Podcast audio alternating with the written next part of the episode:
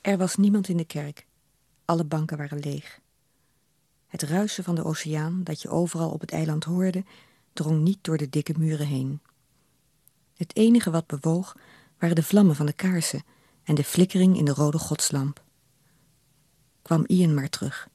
Was hij maar hier. Toen ik buiten op het grindpad voetstappen hoorde, dacht ik even dat hij het was. Een vrouw van mijn moeders leeftijd, begin veertig, liep over het middenpad naar een standaard met kaarsen onder een groot Mariabeeld in een nis links van het altaar. Ik had haar wel eens eerder gezien. Ze werkte in een boekwinkel even verderop. Ze nam een kaars uit een la, hield hem boven een vlam en plantte hem aan de rand van het kaarsenwoud. Pakte er nog een van dezelfde lengte, streek hem voorzichtig langs de eerste en zette hem ernaast. Ingesleten gebaren. Zo te zien deed ze dit dagelijks, jaar in, jaar uit. De mensen voor wie zij een kaars opstak, waren vast al heel lang dood of ziek, of lang geleden van het eiland weggegaan. De vrouw knielde niet, hief haar hoofd niet op naar de hemelsblauwe Maria, maar keek recht voor zich uit in de vlammen. Aan wie dacht ze nu? Aan haar vader en moeder? Man en zoon? Broers verdronken bij het vissen? De vlammen verraden niets. Kaarsen branden voor een vrouw nu eenmaal niet anders dan voor een man. Voor een nabije zieke niet anders dan voor een minnaar aan de overkant. Iedere kaars is een geheim dat ik zou willen kennen. Ik keek door het raam van het café naar buiten. De zon was al een uur onder. Mijn ouders waren net terug van hun avondwandeling. Een week geleden was Ian omstreeks deze tijd binnengekomen. Op zijn kruk, tegen de houten lambrisering vlak naast de bar, zat nu een man van moeilijk te schatten leeftijd. Hij had een getekend gezicht, maar vlassig kinderhaar. We waren hem een paar keer tegengekomen op plekken waar we ons onbespied waanden. Bij de ruïne op het kerkhof, bij de oude gevangenis aan de andere kant van de baai, in grotten die je alleen bij eb kon bereiken. De Fool on the Hill noemde Ian hem. Ik wist niet of het kwam doordat hij op dezelfde plek zat als Ian een week geleden toen onze blikken elkaar voor het eerst kruisten, maar ik kon mijn ogen niet van hem afhouden. Hij zat rechtop, de voeten op de enige sport van het krukje, de knieën hoog, dicht tegen zijn lichaam aan. Die houding gaf hem iets dierlijks, een vogel op een tak. Zijn blonde, door de zon gebleekte haar stond wijd uit. Nesthaar, waar jaar in jaar uit de zeewind doorheen had gewaaid. Hij sprak met niemand en niemand deed een poging een gesprek met hem aan te knopen. Zo nu en dan mompelde hij een groet naar een eilander die iets bij de bar kwam bestellen.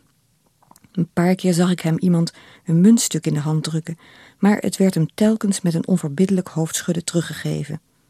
Dan drong hij niet verder aan de weigering veroorzaakte geen zichtbare teleurstelling.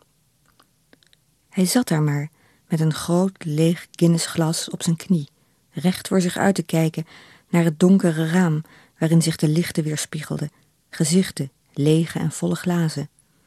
Hij tuurde voor zich uit alsof hij door de duisternis heen de zee kon zien, de branding, een vrachtschip aan de einder. Aan zijn gezicht viel niet af te lezen of hij alles om hem heen opmerkte of niets. Toen mijn vader iets bij de bar wilde bestellen, stond ik vlug op en zei dat ik het wel zou doen. Voor het eerst zag ik hem nu van dichtbij. Hij had fijne trekken en lichtblauwe ogen onder slordige blonde wenkbrauwen. Ik vond hem aantrekkelijk en tegelijk ook niet, omdat hij het niet wilde zijn. Hij had de afwerende oogopslag van iemand die er niet tegen kan dat er naar hem gekeken wordt. Eigenaardige man, hè? Zei een Engelsman die ook in ons hotel logeerde toen ik de glazen neerzette. In al die jaren dat ik hier nu kom, heb ik hem nog nooit ergens anders zien zitten. Vorige week zat hij daar niet, zei ik. Toen zat mijn vriend daar. De Engelsman zakte iets onderuit en hield zijn glas bier voor zijn gezicht, zodat niemand hoorde wat hij zei behalve ik. Of het waar is, weet ik niet, maar ze zeggen dat hij een moord gepleegd heeft. Wanneer? Vroeg ik gretig, maar onmiddellijk ergerde ik me aan de Engelsman, aan mezelf en wenste dat ik het niet gevraagd had. Natuurlijk had de enige blonde man van het eiland, de enige die nooit iets zei en die altijd in zijn eentje over het eiland dwaalde, een moord gepleegd. Wanneer? vroeg ik weer. Oh, heel lang geleden. Het zou wel net zo'n verhaal zijn als over die rots die naar een gemartelde bisschop was vernoemd. Iedereen kende het, maar niemand wist of het echt gebeurd was. De oude blonde man merkte blijkbaar dat we het over hem hadden, want hij draaide zijn hoofd in onze richting. Ik knikte en hij knikte terug, zonder me in de ogen te kijken, alsof ik een weerkaatsing in het raam was. De muzikanten hadden zich genoeg moed ingedronken en waren bezig hun instrumenten te stemmen. De violist speelde een A voor de jongen met de banjo. De vrouw met een kleine accordeon liet haar instrument diep zuchten. Een kale man met een volle maansgezicht streelde het vel van zijn trommel en knakte zijn vingers los. De gesprekken verstomden nog niet. Toch werd er steeds vaker in de richting van de muzikanten gekeken. Eindelijk barstte de muziek los niet langzaam aanzwellend, maar zoals altijd plomp verloren, alsof een radio midden in een melodie werd aangezet. Op dat moment, het moment waarvoor iedereen hierheen gekomen was, stond de oude blonde man op, keek om zich heen alsof de muziek hem uit een diepe slaap had gewekt en liep haastig het café uit. Voor hij met mijn moeder, de Engelsman en een gids vertrok, gaf mijn vader me geld voor een sandwich en een glas cider. Ze zouden pas s'avonds tegen etenstijd terug zijn. Toen de ergste buien voorbij waren en de lucht opentrok, liep ik naar het dorp. Vanaf de kademuur keek ik naar de mensen die met de boot aankwamen en tegen beter weten in hoopte ik dat Ian erbij zou zijn. Daarna ging ik wat eten in het havenhotel, een plek waar ik nooit iets kon bestellen zonder een gevoel van verraad ten opzichte van het hotel waar wij logeerden. Met het wisselgeld in mijn handpalm liep ik de kerk in. Om te schuilen hield ik mezelf voor. Ik had alleen een trui aan en het was juist weer gaan regenen. Ik had nog nooit een kaars voor iemand opgestoken, maar het gebaar voelde niet vreemd, ongepast of afgekeken. Ik kende ook geen gebed, maar terwijl ik in de vlam keek, wist ik precies wat ik zeggen moest. Bij het verlaten van de kerk keek ik nog even om of ik tussen alle kaarsen een paar zag staan. Twee kaarsen, vlak naast elkaar, van precies dezelfde lengte. Op de terugweg naar het hotel liep ik langs de boekwinkel. Ik vertraagde mijn pas. Door het raam zag ik haar staan, de vrouw van de twee kaarsen. Ze stond over iemand heen gebogen die ik uit de verte niet herkende maar toen ik dichterbij kwam, bleek het de blonde man te zijn uit het café. Ik aarzelde of ik zou omkeren. Hij zat op een kruk. Zij stond achter hem en was bezig voorzichtig iets uit zijn haar te halen. Een klit? Een stukje kauwgom? Toen ze klaar was, kamde ze met haar vingers zijn haren van zijn voorhoofd en streek vluchtig met de rug van haar hand langs zijn wang. De deur ging open. Doe je jas dicht, hoorde ik haar roepen. Het regent. Straks vat je weer kou. Hij kwam naar buiten met een blikken pannetje dat aan een beugel aan zijn arm hing. Het metaal schuurde tegen zijn knopen. Zonder groeten liep hij de winkel uit, het pad af. Ik dacht al dat ik je de kerk uit zag komen, zei ze tegen mij. Ik ontweek haar blik en keek om naar de man die nu de hoek omsloeg, achter een muurtje verdween. Ik hoopte dat ze iets over hem zou zeggen, of hij haar man was, haar geliefde. Maar ze had zich alweer omgedraaid, bukte zich om een ijslollystokje van het pad op te rapen en ging de winkel binnen. Het waaide hard en ik deed de deur vlug achter me dicht. Met je ziel onder je arm nu die jongen weg is? Ja. Ik las de titels op de ruggen. Op de bovenste planken stonden nieuwe boeken, voornamelijk Engelstalige romans. Daaronder tweedehands kinderboeken genummerd om uit te lenen. Bid jij niet wat veel? Ik voelde dat ik bloosde. Gisteren in de kerk, nu weer? Ze stond tegen de toonbank geleund, de enkels gekruist, de armen over elkaar geslagen. Het gaat me niet aan, ik ben je moeder niet, maar ik zeg het je toch, je moet daarmee uitkijken. Waarom? Bid maar dat je gebed niet verhoord wordt. Ik keek haar blijkbaar glazig aan. Ja, wens maar dat je wens niet in vervulling gaat. Ze kon het hier toch niet bij laten. Ze kon zo'n opmerking toch niet laten hangen zonder er iets aan toe te voegen. Waarom zei iemand zoiets? Vanzelf ging mijn blik naar de deur. Was dat uw man? Ze gaf geen antwoord. Het is een knappe man, een bijzondere man bedoel ik. Ik stamelde maar wat om te verbergen wat de Engelsman me had verteld, maar ze leek te doorzien dat er een vraag was die op mijn lippen brandde. Of het waar was. Ze keerde zich om naar het raam waar de regen nu langs stroomde. Ze keek schuin omhoog naar de lucht. Hoe oud ben je? Zeventien. Ik was ook zeventien. De reflectie van het raam viel op haar gezicht, waardoor het leek of het water over haar voorhoofd, wangen, mond en hals stroomde. Ik moest al meteen kiezen. Ze draaide zich om. Tussen twee boten. Met welke boot ben jij gekomen? Met de rode. Waarom de rode? Daar had mijn vader kaartjes voor. Toen begon ze te vertellen, een verhaal over haar liefde voor een man die niet was wat hij leek. Ze begon bij haar eerste overtocht naar het eiland, nu meer dan 25 jaar geleden. Ze vertelde gedetailleerd over het café waar ze had zitten wachten tot de boot vertrok. Dat de ramen beslagen waren en dat er een kleffe geur hing van soep en natte jassen. Of is het mijn herinnering aan soep en natte jassen? Haar verhaal heeft zich vermengd met mijn herinnering aan O'Connors en mijn eerste overtocht en mijn eerste keer eiland zoals het zich in het hoofd van degene aan wie ik het doorvertel weer zal mengen met herinneringen aan een ander café en een andere overtocht. Ze was aan tafel geschoven bij een vrouw die net als zij in Galway in de bus was gestopt. De vrouw keek voortdurend om zich heen of ze al haar inkopen nog had. Vier grote kussens, in plastic verpakt, met tot handvat gestrikte touwtjes eromheen. Maar iedere keer dat zij die kussens zag, kreeg ze het benauwd alsof haar gezicht erin werd geduwd. Dat er geen platenwinkel op het eiland zou zijn en geen schoenwinkel wist ze, maar dat je zelfs voor iets gewoons als een hoofdkussen helemaal naar het vasteland moest, hadden haar ouders haar niet durven schrijven. Kan ik hier een kaartje krijgen voor de boot? had ze gevraagd. De barman tikte op een aanplakbiljet achter hem, waarop twee boten stonden getekend, een middelgrote en een kleine. Er gaan er twee, had hij gezegd. Je kunt kiezen. Ze herinnerde zich vaag dat haar moeder in de laatste brief vol aanwijzingen, vermaningen, tijdschema's en uitroeptekens iets had gezegd over een boot die ze per se niet moest nemen. Of juist wel. Ze zocht in de binnenzak van haar windjack en las het laatste deel van de brief over.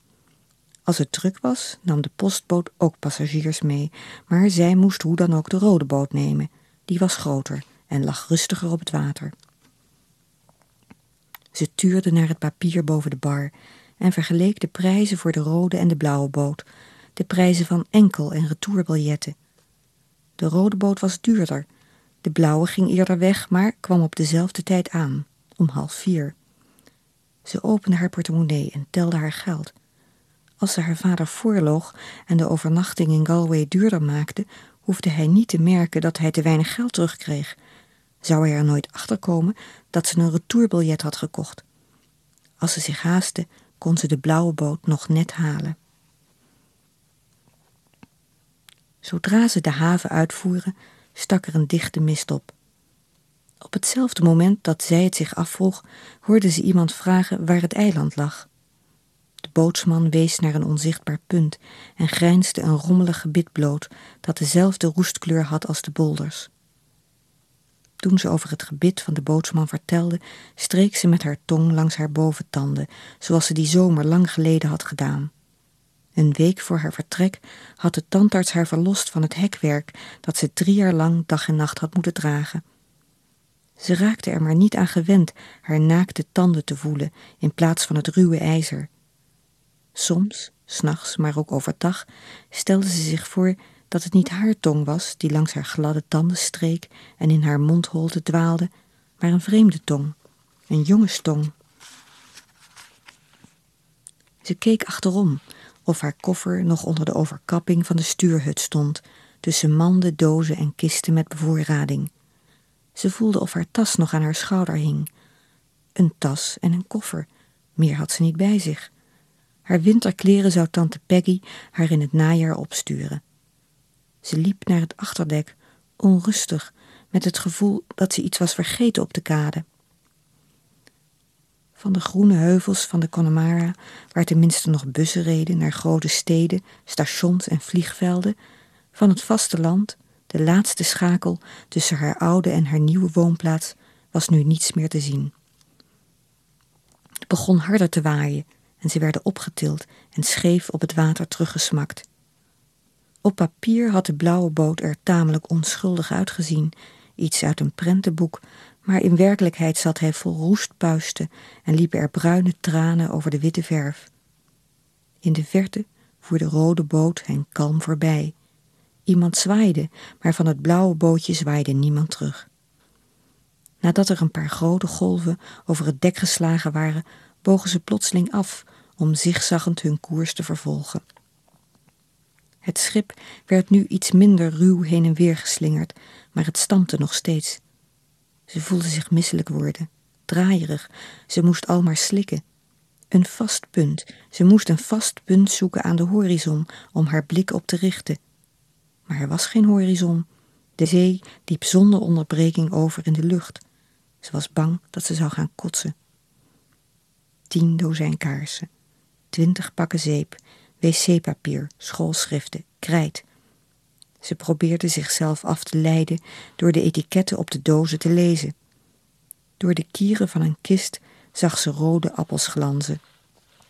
Als er geen appels op het eiland waren, dan waren er ook geen appelbomen. En wat allemaal nog meer niet. Geen telefoon, had moeder geschreven. Alleen de pastoor had telefoon. Maar wat maakte het ook uit? Wat moest ze met een telefoon als er toch niemand was die haar belde om te melden dat Susie Dwyer vrijdagavond de auto van Mike Burke ondergespoten had met scheerschuim? Te onnozel voor woorden, maar de gedachte dat niemand haar meer met de laatste roddels over Susie zou vervelen, maakte haar nog zieker dan ze al was. Een jaar geleden was de hele toestand begonnen. Nadat hij wekenlang humeurig had gezwegen, hakte haar vader op zijn vijftigste verjaardag de knoop door. We gaan terug. Ze dacht eerst dat hij bedoelde terug naar hun vorige huis, het houten huis met de veranda dat ze nog geen jaar daarvoor hadden verruild voor een groter stenen huis in een dure buitenwijk waar hij nooit had kunnen wennen. Maar hij bedoelde veel verder terug, hij wilde terug naar het land dat hij als achtjarig kind had moeten verlaten toen zijn ouders naar Amerika emigreerden. Terug naar Ierland. Nu hij genoeg geld had verdiend en haar oudste zussen de deur uit waren en getrouwd, nu het nog kon, wilde hij nog één keer opnieuw beginnen. Iets avontuurlijks doen. Ze slikte, tastte in haar zak naar het retourtje, klemde het in haar vuist. Zodra ze genoeg gespaard had om de busrit te betalen en de treinreis en een vliegticket, ging ze terug. Ze opende haar ogen pas weer toen ze aan het geluid van de motor hoorde dat de boot vaart minderde. In de verte kefte een hond. Meeuwen vlogen krijsend om de achtersteven. Toen er een in het water dook, zag ze dat de bovenzijde van zijn vleugels zwart waren. Daardoor herinnerde ze zich ineens wat ze was vergeten de plastic zak met het afscheidscadeau, een zwarte omslagdoek die oma voor haar had gehaakt. Waarschijnlijk had ze hem in O'Connors laten staan. Als je de baai binnenvaart, kun je aan de linkerkant ons pension zien liggen, had moeder geschreven. Ze ging aan de reling staan, met haar gezicht in de wind, en kamde met haar vingers haar staarten droog. In de grijsgroene heuvels doemden een paar kleine huisjes op, hooibergen, een kerktoren en hier en daar een zwarte koe. De rode boot lag al aangemeerd, de passagiers waren allemaal van boord.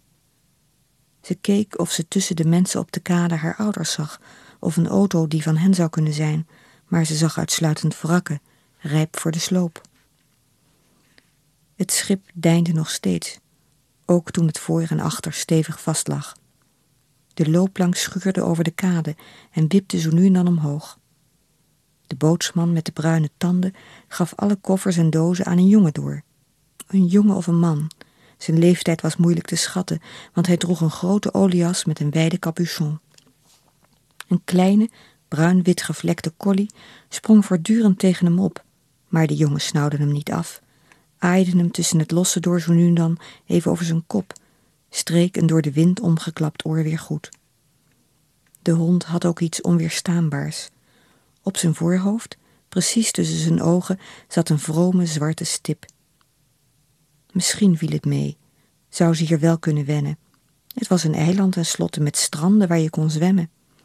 Misschien kon ze haar vader overhalen een dancing te beginnen, waar zij achter de bar kon staan, of een drive-in bioscoop. Daar was ook vast wel behoefte aan. Toen ze de loopplank afliep, begon het schip weer te bewegen en ze greep de hand die naar haar werd uitgestoken. Het was een sterke hand, die de haren niet fijn kneep, maar ook niet losliet voor ze op de kade stond. Ze wilde de jongen bedanken, maar een windvlaag plakte zijn capuchon tegen zijn gezicht, tegen die kant die naar haar toegekeerd was. Ze pakte haar koffer en liep de kade af. Haar ouders waren nergens te bekennen. Nergens stond een bord met de naam van het eiland erop of een plattegrond achter glas, zoals in ieder gehucht, waar ook ter wereld. Een bruine bestelbus kwam toeterend de kade oprijden en even dacht ze in de zwaaiende man achter het stuur haar vader te herkennen, maar het kon hem niet zijn. Haar vader had altijd in Chryslers en Bukes gereden, altijd in breed en glimmend. Ze keek om naar de jongen die haar van boord geholpen had. Als er niemand kwam opdagen, zou ze hem vragen haar de weg naar het pension te wijzen. Ze stapte aan de verkeerde kant in, aan de rechterkant, zoals ze dat gewend was. Haar vader, die haar koffer in het busje zette, moest erom lachen. Ze schoof naar de andere kant van de voorbank.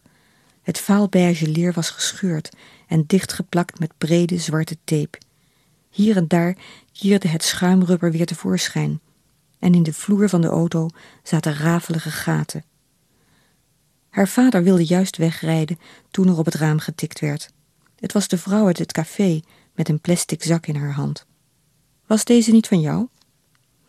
Ze knikte en pakte de zak aan. Ze was niet erg blij met haar grootmoeders gehaakte doek geweest, maar nu er achterna gereisd was, moest ze hem wel meenemen. Van oma. Ik heb ook een brief voor jullie bij me. Hoe is het met haar? vroeg hij. Verdrietig, omdat ik nou ook weg ben. Ze keek of hij het zich verwijt wel ernstig genoeg aantrok, maar hij gaf geen krimp. Jammer dat het zulk weer is. Hij moest schreeuwen om boven het gerammel van het gammele voertuig uit te komen. Normaal heb je hier een prachtig uitzicht, helemaal tot aan de overkant. Het was alsof ze door een tunnel reden. Een tunnel in een droom waarin je achtervolgd wordt, maar geen kant op kunt omdat je spieren niet doen wat je wil. Aan de ene kant, aan haar kant, lag de loodgrijze zee. Aan haar vaders kant een grijze muur van gestapelde steen, die zo nu en dan onderbroken werd door paaltjes en prikkeldaad, waarin plukjes grauwe wol hingen. Iedere keer dat er uit de mist een auto opdoemde, aan de verkeerde kant voor haar gevoel, ging er een schok door haar heen. Ze drukte haar linkervoet tegen de vloer en had de neiging een stuur te grijpen dat er niet was. Haar vader leek ver weg, verder dan toen zij nog in Amerika zat en alleen aan hem kon denken. Hij droeg een trui die ze nog nooit had gezien, van dikke witte schapenwol, en zijn haar was hoog opgeschoren in de nek en anders geknipt, korter, waardoor zijn oren groter leken, boerenoren. Hij rook niet naar zichzelf, in zijn trui hing een muffe brandlucht. Hij praatte ook anders, over andere dingen en mensen die zij niet kende. Vreemde namen en klanken rolden van zijn tong, alsof hij hier altijd had rondgelopen. Hij wees een baai aan die vissersverdriet heette en een dodemansgrot. De ruïne op de landtong aan de andere kant van de haven was in de tijd van Cromwell een gevangenis geweest, zei hij opgewekt. En aan de rots bij die inham daar was ooit bij eb een bisschop vastgebonden. Soms bij een bepaalde lichtval zag je zijn paarse rokken om de rots slierten. Wanneer is die bisschop verzopen? vroeg ze. Oh, een paar eeuwen terug. Het leek haar geen goed teken dat hij iets van zo lang geleden vertelde op een toon alsof het gisteren was gebeurd. Bij een bocht in de weg minderde hij vaart om een tractor te laten passeren. Die witte toren, dat baken, wordt binnenkort weggehaald. Ze gaan de weg ook verleggen. Het wordt hier te smal. De zee kalft het eiland steeds verder af. Dus jullie zijn een hotel begonnen op een eiland dat in zee verdwijnt? Ze had het van meet af aan een onzalig plan gevonden en nu kreeg ze gelijk. Alleen hier, hier zit veel kalk in de grond. Het was even stil en toen vervolgde hij: Nog iets, Phil. Noem het maar geen hotel. Niet waar je moeder bij is. Die heeft het er al zo moeilijk mee. Het is nog geen hotel. Het wordt een hotel. Op den duur. Het gebouw was veel kleiner dan Phil zich op grond van haar vaders schetsjes had voorgesteld. Rechts lag in de beschutting van een heuvel al tientallen jaren een café, daaraan vast het gedeelte dat haar vader had gebouwd, de nieuwe vleugel. Op de begane grond van de vleugel lag een kleine eetzaal, daarboven waren de kamers van de gasten. Dat platte zwarte dak was maar tijdelijk, legde haar vader uit, zodat ze op den duur zonder problemen verder konden bouwen. Om de eentonigheid te doorbreken had haar moeder langs alle ramen van de benedenverdieping bloembakken gehangen, waarin fel gekleurde vetplantjes trilden in de wind. Zoals ze daar stond, rood aangelopen, nerveus te zwaaien in een plastic schort, had haar moeder zelf ook iets van een vetplantje. Waarom ben je niet met de grote boot gekomen? Ik heb toch geschreven dat je de rode boot moest nemen. Lees je mijn brieven niet? Moet ik boven iedere brief zetten Lezen, SVP. Nou, laat me je tanden eens zien. Oh, kijk eens wat mooi. Ook haar moeder rook anders dan vroeger, naar gebakken eieren en spek, en in haar kleren hing diezelfde vreemde openhaardlucht. Behalve de eetzaal, de keuken en hun eigen kamers aan de andere kant van het gebouw waren er pas een paar kamers klaar. Die van Phil lag niet aan zee zoals ze gehoopt had, maar aan de achterkant, vlak naast de keuken. Het was een kleine kamer, er paste net een bed, een kast en een tafeltje in. Op het ommuurde veldje onder haar raam scharrelde een haan een paar bruine kippen tussen de paardenbloemen en brandnetels. Overal lagen bakstenen en planken onder stukken zeil die klapperden in de wind. Daar kun je s'nachts naar de wc. Haar moeder wees naar een stenen hokje met een plaggendak aan het eind van het veldje. Het went wel, heus. Terwijl haar moeder haar koffer uitpakte, bleef Phil voor het raam staan. De mist begon langzaam op te trekken en ze kon steeds verder kijken. Een weg die zich plitste in twee smalle paden. Elektriciteitsmasten met lange lome draden. Huizen met schoorstenen waar rook uitkwam. Rook in juli. Een legpuzzel van muurtjes en akkers, zo ver ze kijken kon. Wat heb je veel jurken bij je? Ik dacht dat het zomer was. Haar moeder viste de omslagdoek uit de zak en hield hem fronsend omhoog. Belachelijk, zo'n zwarte doek voor een jong meisje. Oma zei dat alle vrouwen op de eilanden zo'n doek dragen. Ja, in de vorige eeuw misschien. Deze eeuw? De vorige eeuw? Maakt het dan wat uit hier? Eerst dacht ze dat het door de boottocht kwam, maar na een tijdje ontdekte ze dat het de geur was die haar hoofdpijn bezorgde, de geur van het eiland. Door de stilte die er hing, een diepe stilte als in een lege kerk, hoorde je niet alleen elk geluid heel duidelijk en al van grote afstand, maar rook je ook scherper. Overal waar huizen stonden, overal waar gestookt werd, hing die zware, muffe turfgeur die vaag aan petroleum deed denken. Niet ver van het pension lag het gebied waar de turf vandaan kwam. Een maanlandschap met kraters, grote, dof zwarte uitgegraven plekken. Het somberste landschap dat ze ooit had gezien. Al een tijdje dribbelden er een paar schapen voor haar uit. Onhandig, omdat hun rechter voor- en achterpoten door touwtjes verbonden waren. Over de vacht van hun rug liepen brede, felrode strepen, alsof God eerst zijn lippen had gestift en ze toen één voor één had gezoend. Ze probeerde er een in te halen, maar voor ze haar hand op de vacht kon leggen, dook het dier schichtig weg en zocht dekking achter het wrak van een auto. Phil trok een plukje wol uit het prikkeldraad en wond het om haar vinger. Het rook naar schaap, was nog een beetje nat en voelde vettig aan. Overal langs de weg stonden autovrakken, op platte banden, op velgen, zonder ruiten, in alle stadia van weggeroest. Ze waren achtergelaten waar ze ooit hun laatste adem hadden uitgeblazen. Wat verdien ik eigenlijk? had ze haar moeder tijdens het uitpakken gevraagd. Niets. Bridget doet het zware werk. Jij helpt me met de rest. Je krijgt wat zakgeld. Je hebt hier ook niets nodig. Je kunt het toch nergens aan uitgeven. Roest. Overal roest. Op de rotsen langs de kust lag roestkleurig zeewier. Het mos op de stenen muurtjes had die kleur en ook de haan onder haar raam. Voor zover het eiland niet stukje bij beetje in zee verdween, was het bezig weg te roesten en iedereen zag dat behalve haar ouders. Als ze een zaak in Ierland waren begonnen, had ze daar begrip voor kunnen opbrengen. Iets in Dublin, waar nog familie woonde, of in Galway. Maar waarom hier, op een eiland bij een eiland? In de diepte lag een hoefijzervormige baai met wit zand. Golven kwamen van twee kanten tegelijk op het strand afrollen en vielen daar schuimend over elkaar heen. Daar mag je nooit zwemmen, had haar vader gezegd. Daar staat een gevaarlijke stroming. Er waren ooit drie vissers verdronken, jongens van een ander eiland. Hun lijken waren mijlen verderop aangespoeld. Misschien kwamen ze wel van het eiland aan de overkant. Haar vader had het op de kaart aangewezen. Ze herkende de vorm, herkende wat hij erover had verteld. Huizen zonder daken, die waren afgewaaid of weggerot. Schoorstenen waar geen rook uit kwam, een wapperend stuk gordijn, afgebrokkelde muren. Aan de diepe voren in het gras kon je zien waar vroeger aardappelveldjes geweest waren. Vorig jaar waren de laatste bewoners weggetrokken. Spookeilanden werden ze genoemd. Mensen van haar leeftijd vertrokken altijd het eerst, naar Dublin en Londen of naar Canada of Amerika zoals hun voorouders.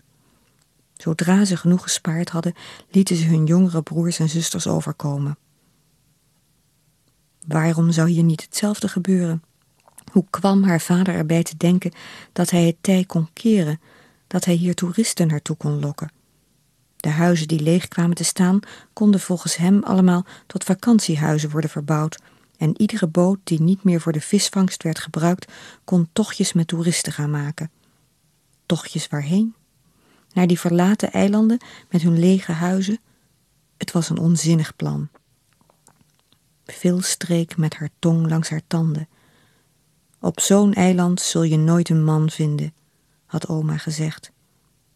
Ieder uur dat ze hier langer was, werd het haar duidelijker. Haar ouders waren de verkeerde kant op geëmigreerd.